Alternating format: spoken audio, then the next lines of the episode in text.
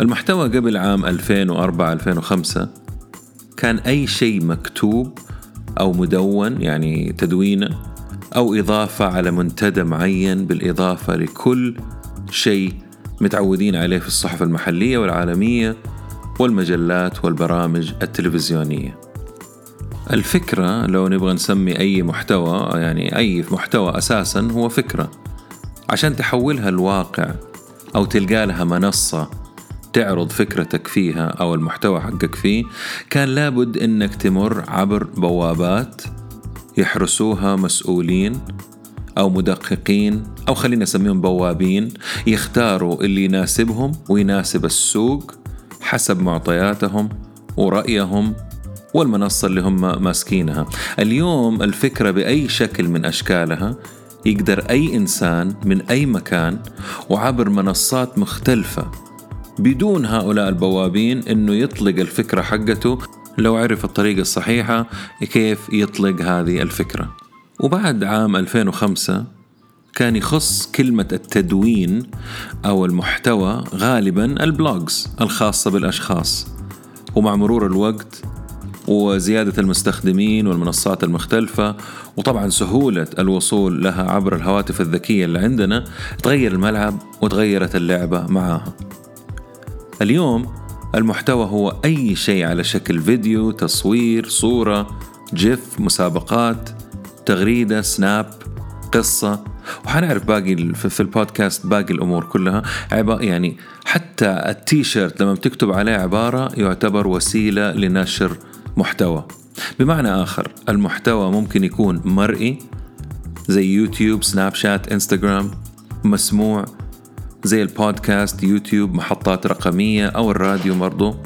تفاعلي مثل ألعاب ألغاز مسابقات مسوقة وغيرها. هذه كلها أشياء أو أنواع من أنواع المحتوى. ومع تطور الإنترنت تطور معاهم طبعا المستهلك والمسوق نفس الشيء أتطور. وطريقة جريه وراء المستهلك اختلفت برضو. يعني ما في فايدة ولا في فكة من قبضة المسوقين الأذكياء المتفاعلين اللي يتغيروا حسب التغييرات اللي تحصل في المستهلك اللي هم بيتابعوه وعارفين إنه يعني بيصرفوا مليارات عشان يعرفوا إيش اللي بيدور في دماغه وفي تفكيره وفين بيكون متواجد وإيش طريقة استهلاكه للمعلومات والمنتجات وغيرها. فأكيد يعني ما في فكة من المسوقين الأذكياء. عرفوا إنه المستهلك أو المستهدف زي ما يسموه آه تغيرت حياته وأسلوبه وكل شيء في الطريقة اللي بيتعامل فيها مع الحياة. ومن هنا ظهر تسويق المحتوى أو ال content marketing آه قبل ما أوصل للسؤال الرائع من الأخ أسامة من الأردن خلينا كذا نرجع مع بعض شوية ونحاول نفتكر كيف كانوا المسوقين. المسوقين زمان كان لهم شكل خاص وطريقة هم والبياعين على فكرة مع أنه هذا مختلف شغله عن الثاني ما حدخل في موضوع إيش الفرق بين البيع والتسويق ولكن المسوقين آه، والبياعين كان لهم شكل خاص طريقة معروفة وطرق تسويق محددة وعبر وسائل مرئية ومسموعة ومطبوعة معروفة. الفكرة كانت غرق المستهلك بالمعلومات وأظهر في كل مكان وخلي من يوم ما يصحى لين ما ينام ما يشوف غيرك. أهم شيء إنه يشوف المنتجات حقتنا والخدمات حقتنا. تضحك عليه عادي مش مهم. أهم شيء جيبه. مش أهم شيء جيبه. أهم شيء النسبة اللي تدخل جيبي أنا كبياع أو البونس اللي آخره آخر السنة كمسوق. والآن أصبحت الطريقة القديمة هذه عقيمة وغير نافعة وفاشلة. السؤال هنا برضو سؤالك يا أسامة راح أوصل له لكن يعني من كثر الاختلاف بين التسويق زمان لأنه كلنا عشنا أو في جزء مننا عاش الفترة هذيك والفترة هذه اللي إحنا بنعيشها فرق السماء والأرض. اليوم المطلوب الشفافية والمصداقية الاحترام لكل من عقولهم وحياتهم اللي هم المستهلكين. لو ما تعرف تجذب المستهلك بمادة أو محتوى هادف مسلي مفيد. موضوع في المكان المخصص للمستهلك ما راح يشوفك ولا راح يهتم. حتى لو كان اللي عندك الشيء المفضل. الشيء المفضل اللي عند المستهلك إنه إذا أنت ما أنت موجود عنده على الرادار حقه الخاص عالمه الخاص اللي هو مختاره المجموعة حقت الناس اللي بيتفاعل معاها أنت ما أنت ظاهر عنده. يعني بس. نجي لسؤال أسامة الخطير. أسامة آه أسامة الصخري من الأردن إيش يقول؟ يقول السؤال حقه ما هي صناعة المحتوى وكيف أكون صانع محتوى مميز؟ وهل أستطيع آه هل أستطيع أن تكون صانع محتوى بدوام كامل ولا لا؟ عالم البزنس عالم مثير متغير وله جوانب كثير. ولأني بصراحة طفشت من التكرار والفلسفة والمثاليات الغير مفيدة. أدور الدروس والمفاهيم الجديدة والقديمة وتأثيرها على حياتنا. أقابل المفيدين فقط بغض النظر عن شهرتهم. بودكاست عالمي بنكهة محلية وأهم شيء عملي وعربي. يا هلا وسهلا بالجميع في بودكاست نتكلم بزنس مع ممدوح الردادي.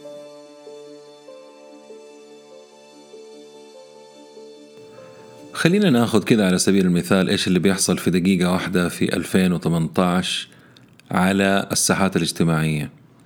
كان في 4.3 مليون views أربع أكثر من 4 مليون مشاهدة في الدقيقة على يوتيوب. في إنستغرام تم نشر 46200 صورة في الدقيقة. كل شيء بقوله في الدقيقة. 481 ألف تغريدة على تويتر. 973 ألف log in على فيسبوك 2.4 أو 2 مليون و400 snap في الدقيقة على سناب شات الشيء اللي فجعني أنا إنه كان في مليار و200 مليون like القلب اللي نضغطه على انستغرام كل دقيقة. يا جماعة الخير إيش حاصل؟ لو جينا بنتكلم عن عالم البودكاست اللي بدأ يكبر بشكل غير مسبوق 51% من الشعب الأمريكي الآن يستمع للبودكاست بشكل يومي. 49% منهم في البيت 22% منهم في السيارة. مستمعين البودكاست بشكل عام أوفياء للمحتوى اللي بيتابعوه ومثقفين. 80% يستمعوا لكل البودكاست اللي يتابعوها. ويستمعوا تقريبا لسبعة بودكاست مختلفة في الأسبوع. ولا يزال الرجال استماعهم أكثر من السيدات. هذه الأرقام أجنبية وعندي رأي بخصوص عالمنا العربي. مستعد أراهن أنه خلال سنة أو سنتين فقط مع التطور اللي حاصل عندنا وحبنا في الأشياء الجديدة وكيف كل الناس الآن بدأوا بيعملوا على سبيل المثال بودكاست راح يكون أحد البلدان العربية هو الأول في العالم بدون مجاملات. أتوقع السعودية راح تكون في المركز الأول وبعدها مصر وباقي الدول العربية. أتوقع كمان أنه السيدات راح يتفوقوا على الرجال في الاستماع. راح تزيد المنافسة على إذن المستمع وبالتالي راح نسمع ونشوف تطور هائل في كل من المحتوى والمواضيع وطرق البودكاست عرضها. لأننا بكل بساطة مختلفين وعندنا حس إبداعي رائع جدا والدليل كان آه، وقوعنا أنه إحنا نكون آه، ترتيبنا الأول في اليوتيوب قبل فترة بسيطة إن لم يكن حتى هذا الوقت يعني. التعريف البسيط أعتقد إنه أي شيء أو أي عمل آه، نعمله نحوله من مجرد فكرة في بالنا لفيديو أو مدونة أو كتاب أو تقرير أو مقالة على الإنترنت ويتم نشره وإعادة نشره. يعني مو شرط من ناحية تسويقية إنه يخليك تشتري أو يحمسك على الشراء إذا كان نحن بنتكلم عن كلمة تسويق آه، المحتوى. خلينا في المحتوى بس. لكن يزيد عندك حس الاهتمام أو اللقافة في الخدمات والأفكار والمنتجات المختلفة. إن كان هذا المحتوى صناعة شركة تسويقية يختلف الأمر طبعا ويكون تركيزهم على إنك أنت تتخذ قرار أو تعرف منتجاتهم. خلينا ناخذ تعريف أقوى من معهد تسويق المحتوى. content marketing institution ولا كنت أدري إنه في موجود هذا المع... الأكاديمية هذه. هو تسويق استراتيجي يركز على صناعة وتوزيع محتوى قيم ملائم وبشكل مستمر عشان يجذب قاعدة مستهدفة واضحة. وأخيرا يقوم بجذب تصرفات عملاء مربحة. يعني بدل ما نطفش الشرائح المستهدفة أو المهمة بإعلانات فاشلة غير مجدية عن خدماتنا ومنتجاتنا نقدم لهم معلومات قيمة تساعدهم في حياتهم وتحل مشاكل لهم وتنميهم. يتفق سيث جودن وجاري في انه التسويق الوحيد اللي باقي في العالم هو تسويق المحتوى أو ال content marketing راح أجاوبك يا أسامة على سؤالك كيف أكون صانع محتوى مميز. أه تقريبا في آخر البودكاست لأنه سؤال عميق جدا وقوي جدا وحسب ما قريت منك في أه تويتر أنك أنت قارئ كتاب كيف تسأل أسئلة قوية. يا ريت تشاركنا كيف نتعلم نسأل أسئلة أفضل. راح أجاوبك ليش في آخر البودكاست؟ لأنه حاعطيك تجارب شخصية أه وتكون إجابات وافية من شغلات أنا سويتها أو عملتها وكيف وصلت حتى للبودكاست هذا اللي أنا فيه. لكن خلينا أول شيء نتكلم عن صناعة المحتوى الممتاز. تحتاج أمور عديدة.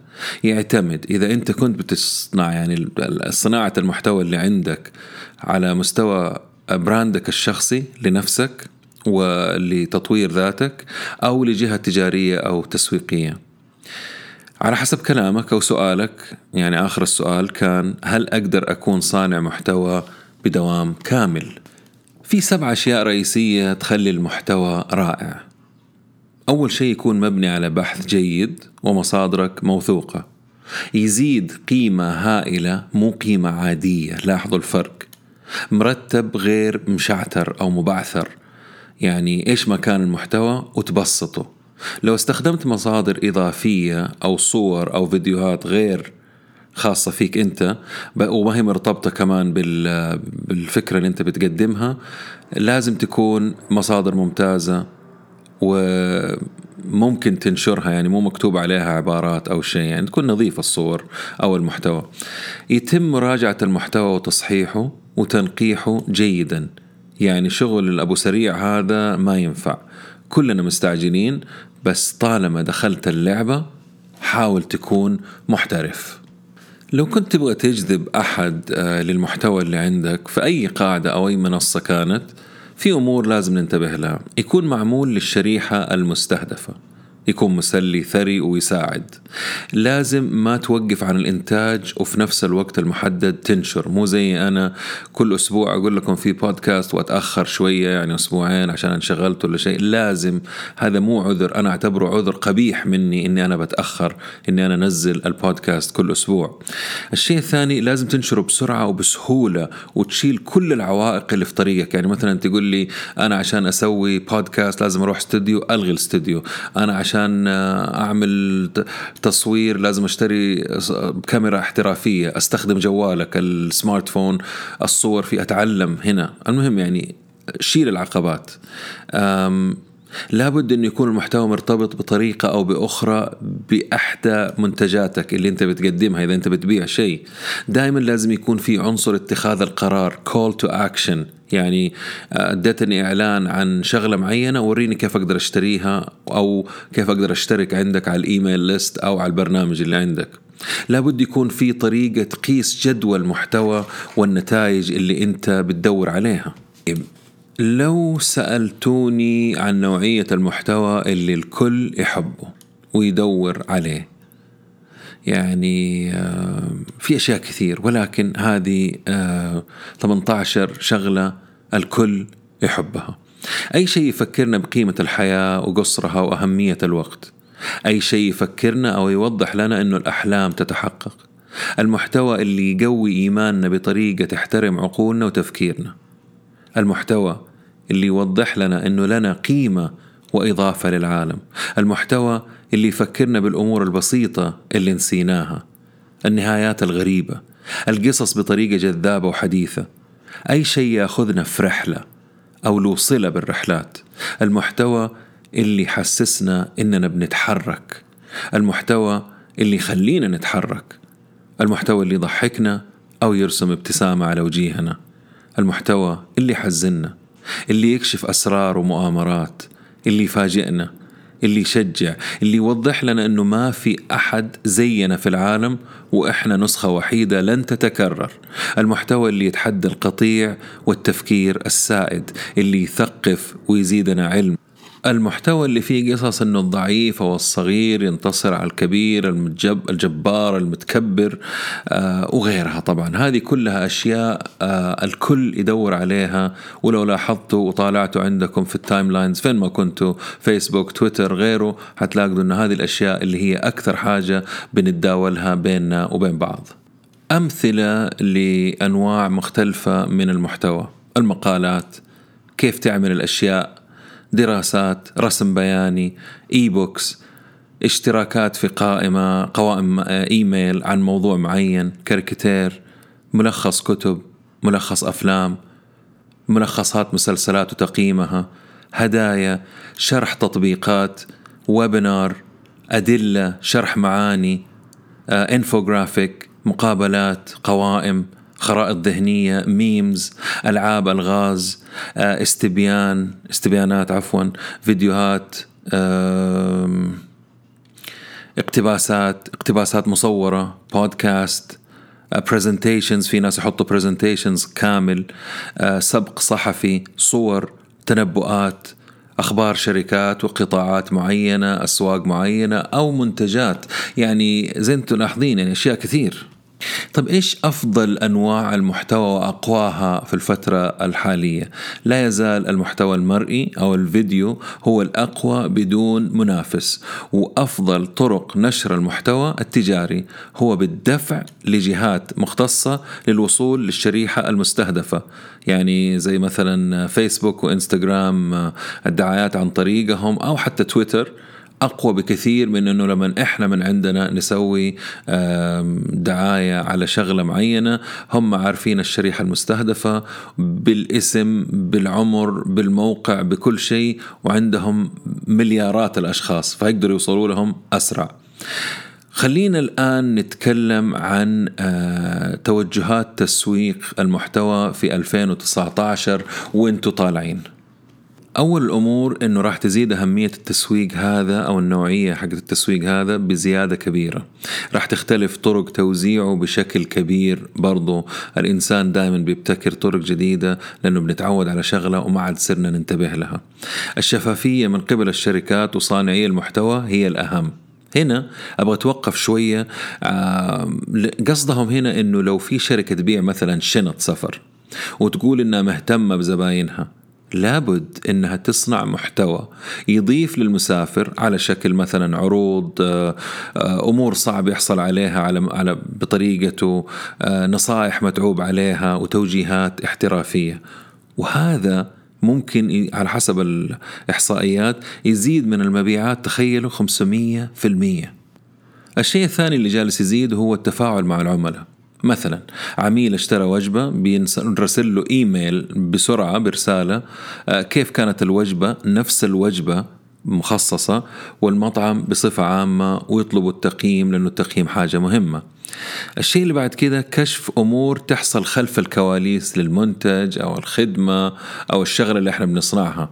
هذه تزيد الانجيجمنت والتفاعل مع الشرائح المختلفة.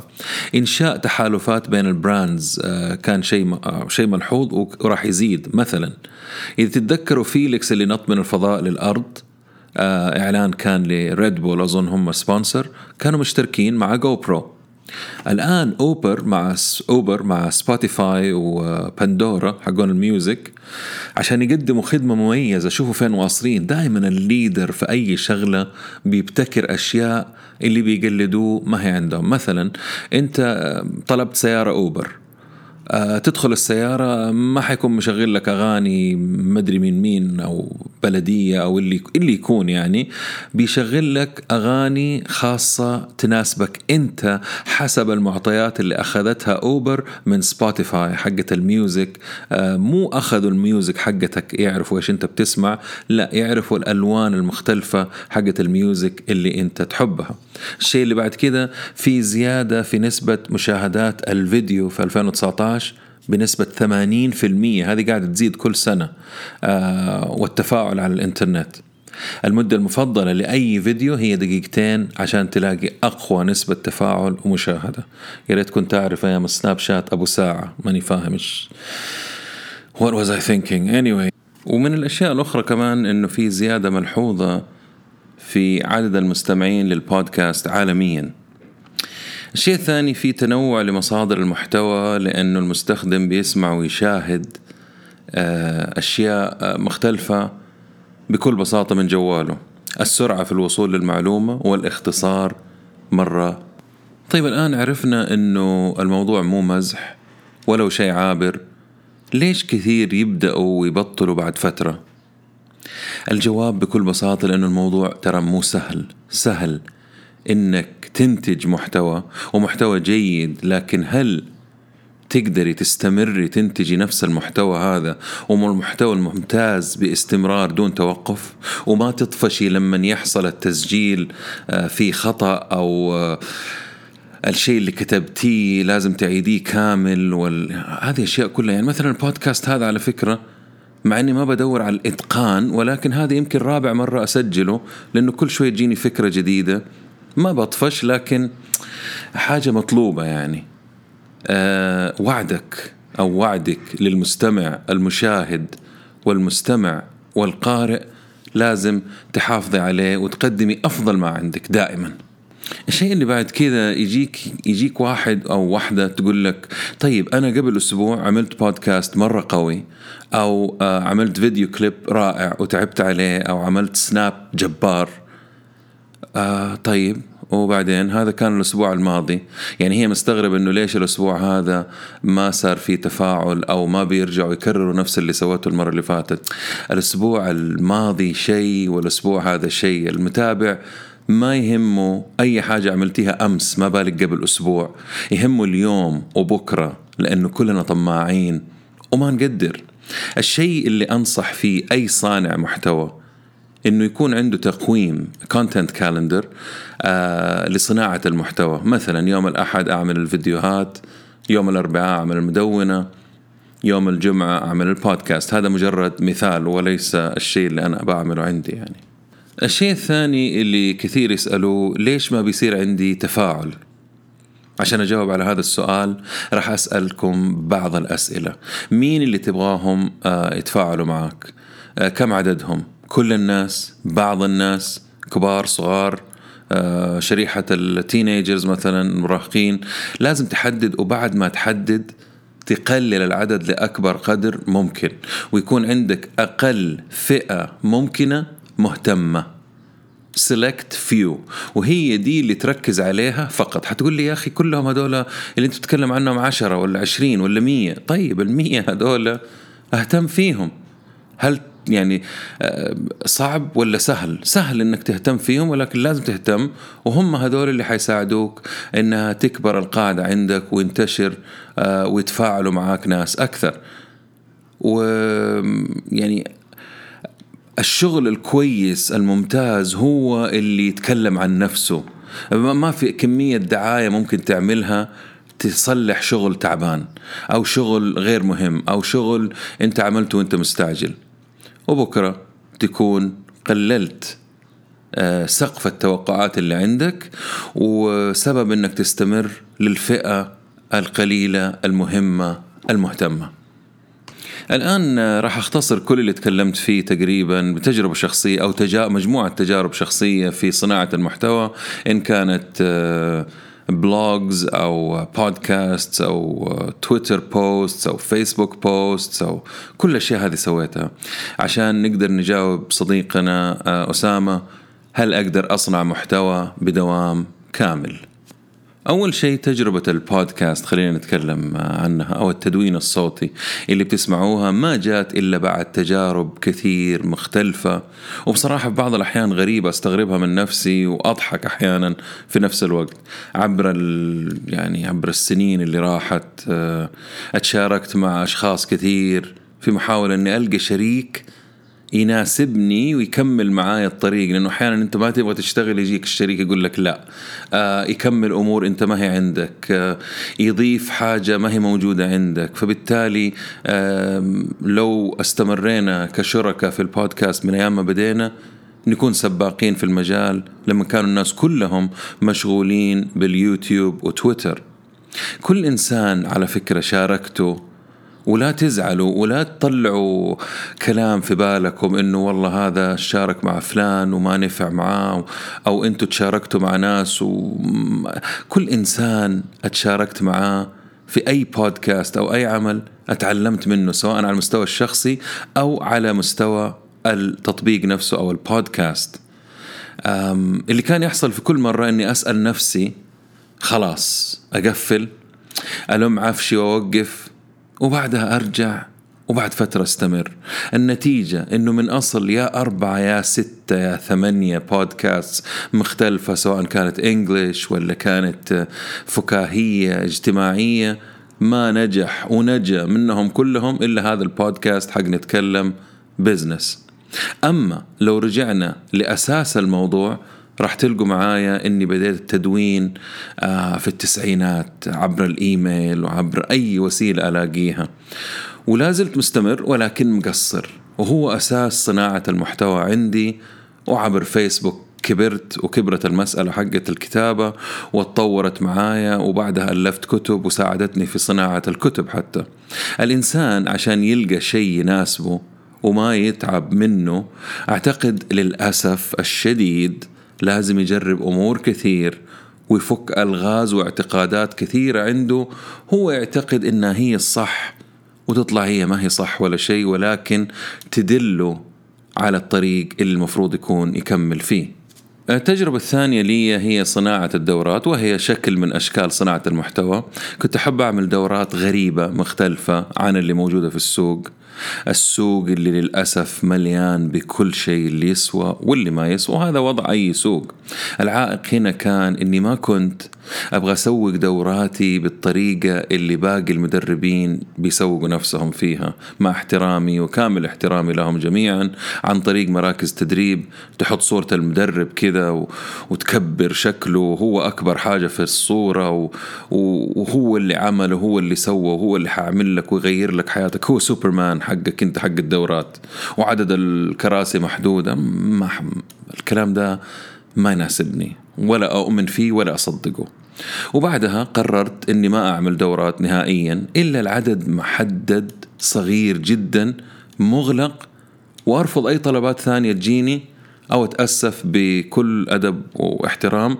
وأطلب من الفئة القليلة هذه الشيء اللي يستحقه مقابل الدورة. البسيطة اللي بعطيهم هي اللي هم إن شاء الله يستفيدوا منها. والآن في زمن التحول وتحول الدورات والجامعات مستقبلا نفس الشيء العالم الافتراضي كله حيروح على العالم الافتراضي. الحمد لله انتهيت من أول دورة لي أونلاين. آه إن شاء الله تكون عند حسن ظن كل اللي يشتريها. ملاحظين الفرق بين يسجل ويحضر ويشتري؟ أو يمتلك الدورات اليوم لك للأبد. في أي وقت وفي أي مكان تحضريها وبسعر ربع قيمة الدورة اللي بتحضروها في الواقع. ويمكن عشر أضعاف الفائدة لأي شيء موجود في الواقع عندنا. السبب بكل بساطة أنه المدرب أو صانع المحتوى بيتعب تعب كبير جدا لمرة واحدة وبيصنع الدورة وبيحطها أونلاين وخلاص بيتركها. الدورة هذه ما جات من فراغ. طبعا لازم تعرفوا إنها أساسا كانت عبارة عن كتاب. كل شيء أساس حاجة okay؟ فكانت عبارة عن كتاب آه يعني الهدف منه آه إني أسوي شيء أو أعمل كتاب يساعد أي إنسان عنده فكرة يحولها ويمر بكل المراحل. اللي المفروض أي فكرة تمر فيها وأتكلم عن كل العقبات وكل الثغرات اللي كثير من الدورات وكثير من الجهات بتنساها. يعني بتاخذ الإنسان صاحب الفكرة في رحلة معاك من البداية من يوم ما تطلع عنده الفكرة إلين ما ينفذها وكيف يحافظ عليها وكيف ينميها وكيف ينجحها سواء كانت فكرة عادية أو فكرة مشروع أو كتاب أو اللي يكون. فهذه كانت فكرة الدورة اللي سويتها الآن. نيجي لموضوع التسعير. التسعير اللي ناس كثير يا إنهم ينكسفوا ويتكلموا فيه أو ما يعرفوا فين يدوروا أو أو صعب جدا إنه يلاقي فيقوم يقارنها بدورات موجودة ويسعر زيها. فلما تعمل دورة أونلاين أو محتوى مسجل ما تقدر تسعره زي دورة لايف أو في الواقع. الناس يحضروها لأسباب كثير. ولكن حطوا خطين تحت. لكن كثير من صناع المحتوى اللي من النوع هذا ما يعرفوا يسعروا أو يسعروا زي السوق أو أقل آه لأسباب كثير. آه السؤال اللي أنا أحب أطرحه لهم إنه لو ما في شيء زي اللي أنت سويته لو أنت صنعت شيء جديد أو قدمت حاجة جديدة حتسعر على أي أساس؟ كيف تسعر؟ من الأمور اللي تحير الكثير تسعير المحتوى اللي هم صنعوه. يا يعني إنك تقدمه مجانا أو تحط له سعر أو قيمة. لو كان مجاني المسألة لها وعليها. ولو كان بقيمة برضو لها وعليها. طب سؤال عابر. لو صحيتوا من النوم ولقيتوا ساعات رولكس أصبح سعرها أقل من ألف ريال بدل عشر أو خمسة عشر ألف ريال. ما يجيكم تساؤل عن الجودة تقليد خطأ ليش؟ بمعنى آخر فقدت الساعة هيبتها وقيمتها وانضرب ال brand. سواء اعترفت أم لم تعترف لأنه جزء من فخامة ومتانة وقوة ال brand حق رولكس إنما هي لكل الناس وسعرها فيها. بمعنى آخر السعر يحكي قصة. القصة توضح أمور كثير من ضمنها القيمة والفائدة والتميز لأي شيء عندنا. نرجع لدورتي الجديدة ومسألة التسعير. ما أخفى عليكم. دورت كثير ودرست السوق أدور شيء قريب منها. آه، أولا أقرب دورة لها نص المدة. و40% من المادة اللي أنا بقدمها. ثاني شيء أكثر الدورات بلغة أجنبية. وإذا كانت بالعربي أكثرها مقدمات وبطرق تقليدية تكرر الموجود مش تقليل فيهم ولكن هذا اللي مطلوب في السوق. ثالث الأمور يعني أنا تناولت الموضوع كأني فعلا عندي فكرة وبأختبرها يعني حاجة عملية. آه بعدين ألفت الكتاب وبعدها جات الدورة. مو العكس زي الكثير مجرد شيء نظري. رابع الأمور لو جينا وطالعنا العدد الساعات اللي هي سبعة ساعات أو 300 دقيقة داخل الدورة هذه سبعة ساعات مختصرة مليانة. وفي نفس الوقت لو كنت أنا بقدم الدورة راح تاخذ من ثلاثة لخمسة أيام على الأقل مع ورش العمل وغيرها. خامس الأمور لو كنت راح أسعر الدورة على حسب ساعة استشاراتي آه المبلغ راح يطلع فوق قيمة أي دورة موجودة. سادس الأمور طيب لو أبغى حل وسط ما بين التكلفة الحقيقية والجهد ووقت ومدة الدورة لحاجة ما هي موجودة في السوق. ما راح تناسب الكل. وهنا مربط الفرس إنها ما تناسب الكل. إنه الإنسان ما يعمل شيء يناسب الكل لأنه هذا شيء مستحيل وأكبر خطأ يقع فيه الكثير. المفروض تحدد الشريحة الصغيرة المهمة المستهدفة اللي تعرف شغلك من أول وراح تستفيد وتقدر شغلك وما تقدمه بسعر يعني عادي. آه ليش؟ لأنه كل شيء له قيمة لأنهم عارفين المحتوى اللي بتقدمه وفائدته بالنسبة لهم الأيام والسنين القادمة راح يكون عندنا طفرة صناعة محتوى ضخمة في كل أشكاله وللأسف راح يختلف أو يعني المحتوى اللي إحنا بنشوفه وراح يخلق هذا الحدث صناعة محتوى رخيص غير مفيد مكرر ومستهلك زي أفلام الثلاثينات وإعلانات آخر الليل وكثير من الجرايد والمجلات حقت التسعينات والثمانينات. آه المستمع والمشاهد والقارئ أو بين قوسين مستهلك المحتوى راح يعرف يميز المحتوى الجيد من الرخيص بطريقة مرة بسيطة. أي شيء ما يخصه أو يعنيه راح يكون رخيص وغير مجدي. أقصد برخيص هنا يعني سعره مو فيه بالنسبة له هو. مش إنه الشيء رخيص وما له قيمة كل شيء له قيمة. عشان آه، أسامة يبطل يسأل أسئلة عميقة من الصعب معرفة إذا تقدر تعيش من خلف صناعة محتوى بشكل كامل. لكن طبعا ممكن وراح أقول لك بعد فترة إذا كان ممكن وإذا أنا شخصيا عملت الشغلة هذه أو لا. طبعا من الأشياء المهمة عند صانع المحتوى إنه ما يقدم إلا أفضل ما عنده ويحاول وباستمرار إنه يحسنه ويقويه. وهذا شيء صعب على فكرة. وتخيل بعد فترة يجي للمتابعين بعد ما حسن المستوى عنده والأشياء اللي بيقدمها ويقول لهم أنتم عرفتوني من خلال هذا الموضوع على هذه المنصة. الآن عندي شيء جديد بس راح يكلفكم مبلغ معين. ردة الفعل ما راح تكون واحدة. منهم اللي راح يرفض وكثير على فكرة منهم اللي راح يرفض ولكن فئة قليلة راح تدرس الموضوع وتجرب وتشوف إيش عنده هذا وهل هذا فعلا مختلف وراح يفيدني أكثر ولا لا؟ يعني تخيلوا في يوم من الأيام أصحى أنا وأقول لكم البودكاست هذا أصبح باشتراك شهري. أكيد راح تعصبوا وترفضوا وتقولوا لي أنت إيش قاعد تسوي وعشان كذا حكاية ال sponsorships هي الحل في شغلات زي البودكاست. وأخيرا أنصح كل مستمع إنه ما أبغى أقول يطلق لأنه هذه الكلمة مرة مستهلكة. أطلق العملاق الذي بداخلك. ما بتكلم كذا. إنه يصنع محتمل آه، يصنع محتوى ويعمل الشيء اللي يحس إنه في ناس تحتاجه لأنه كل واحد فينا عنده شغلة ممكن يفيد فئة معينة بالشغلة اللي عنده. مش لكل الناس ومع الوقت تزيد الناس اللي تهتم بالشيء اللي بتقدموه. والناس دائما تحتاج الجديد المفيد المختلف المميز.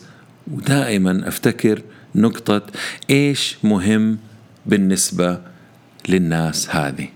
وخلاص قربنا نخلص البودكاست بس قبل ما أنهي البودكاست هذا أحب أقدم هدية بسيطة للمجموعة المهمة اللي بتتابعني على البودكاست سواء على تويتر ولا على ساوند كلاود ولا الآي تيونز الأعزاء راح أعطيهم هدية جزء بسيط راح ياخذ الدورة مجانا وجزء راح ياخذ خصم 50% خاص في البودكاست بمناسبة انطلاق هذه الدورة.